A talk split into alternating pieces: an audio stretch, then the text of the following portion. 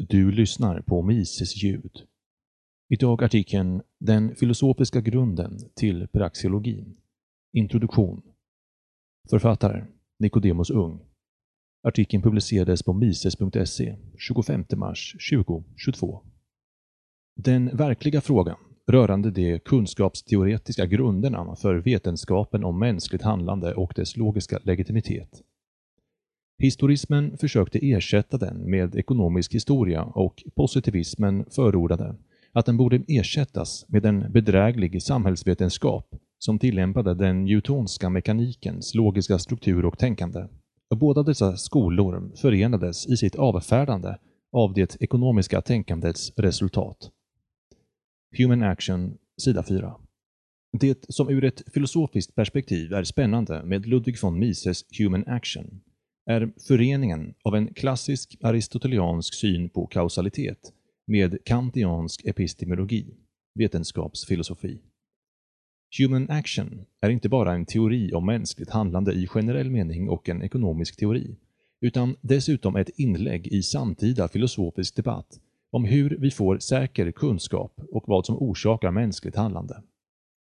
Där den kantianska traditionen såg på syntetiska a priori kunskaper som förs samman oberoende av människans erfarenhet som universaliserbara finner vi i den nykantianska övergången ett ifrågasättande av samma universaliserbarhet. Särskilt de nykantianer som inspireras av Karl Marx, som ansåg att varje social klass har sitt eget logos. Därför vill Mises grunda en ekonomisk teori som är tillräckligt solid för att undvika kritik från historicism behaviorism, positivism, marxism och liknande teorier. Och det är alltså här Mises introducerar teleologin som en metod som skiljer sig från positivismen och den vid denna tid rådande fysikaliska världsbilden med dess två orsaksförklaringar.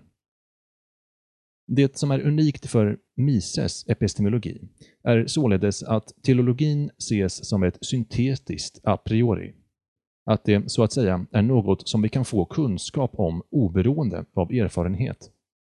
Att människan är målstyrd är således något som vi har kunskap om oberoende av empiriska argument och induktioner.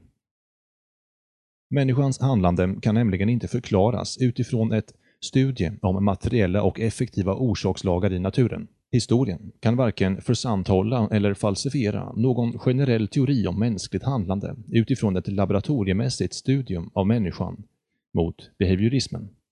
Praxeologin rör inte heller frågan om hur människans logiska, diagnostiska förmåga har uppstått. Det har ingen betydelse om någon av Homo sapiens förfäder resonerade eller inte resonerade i enlighet med en a priorisk kausalitet och teleologi.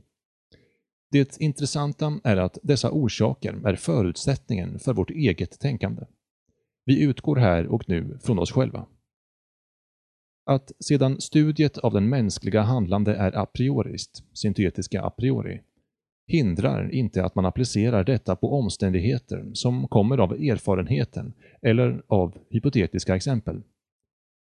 A posterioriska erfarenheter, skriver Mises, citat merely directs our curiosity toward certain problems. It tells us what we should explore, but it does not tell us how we could proceed in our search for knowledge. Human Action, sidan 65.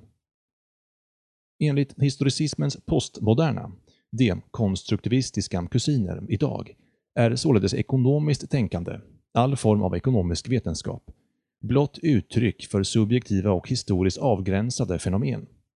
Det finns inga säkra lagbundheter bakom människans ekonomiska beteenden.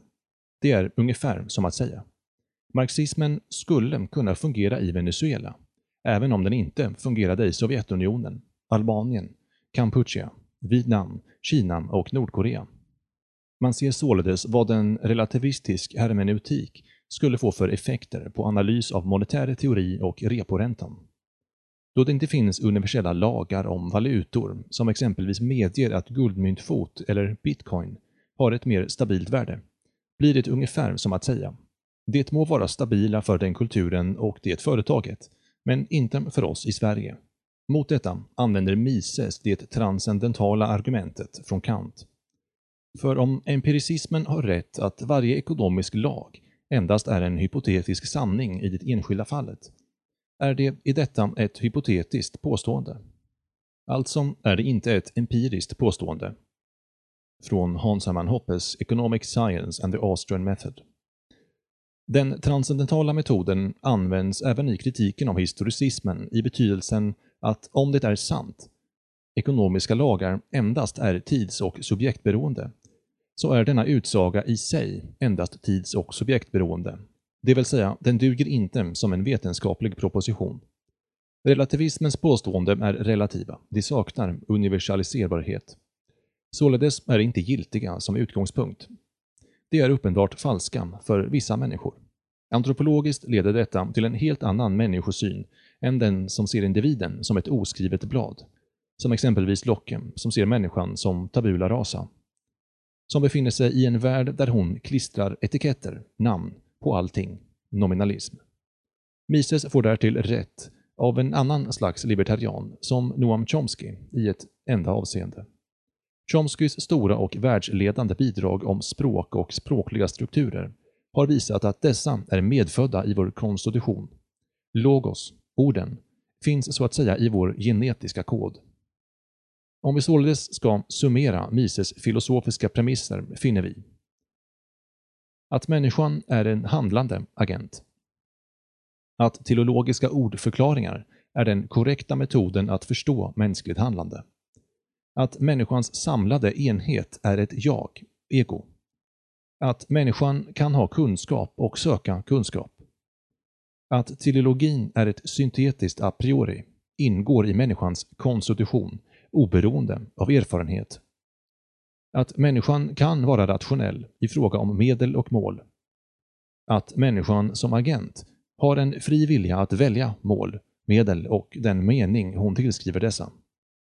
Att praxeologin, tillsammans med matematik och fysik, vilar på syntetiska a priori i den klassiska kantianska, rationalistiska traditionen. Praxeologin, liksom matematiken, är sann för alla människor i alla tider, överallt.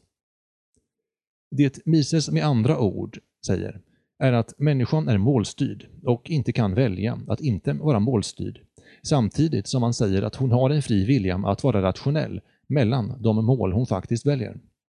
Föreningen av frihet och rationalitet med teleologi finner vi även i Aristoteles etiska analys i den nikomakiska etiken, där människan, genom att förvärva dessa dygder som bistår hennes funktionalitet, kan realisera sina moraliska men också intellektuella mål. Där Mises intresserade sig för människans ekonomiska mål intresserade sig Aristoteles för hennes egen moraliska och intellektuella utveckling.